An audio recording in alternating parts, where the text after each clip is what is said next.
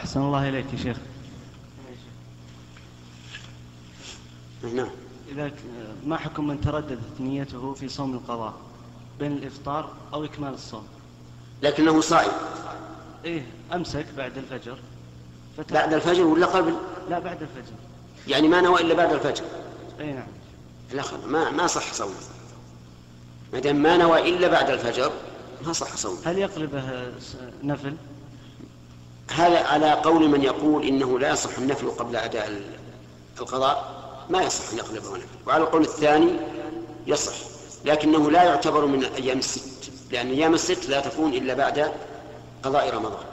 طيب يا شيخ وهل أما من صام ونوى الصيام قبل الفجر واستمر وفي أثناء النهار تردد هل يتمم أو يقطع؟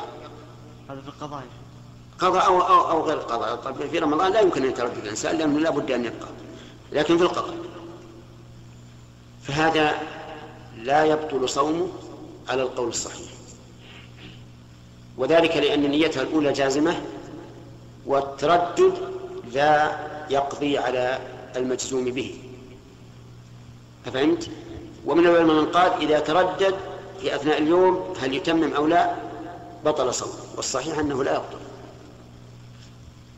بخلاف الذي لم ينوي إلا بعد طلوع الفجر هذا ما, ما لا يمكن أن يكون أن يصح قضاء نعم.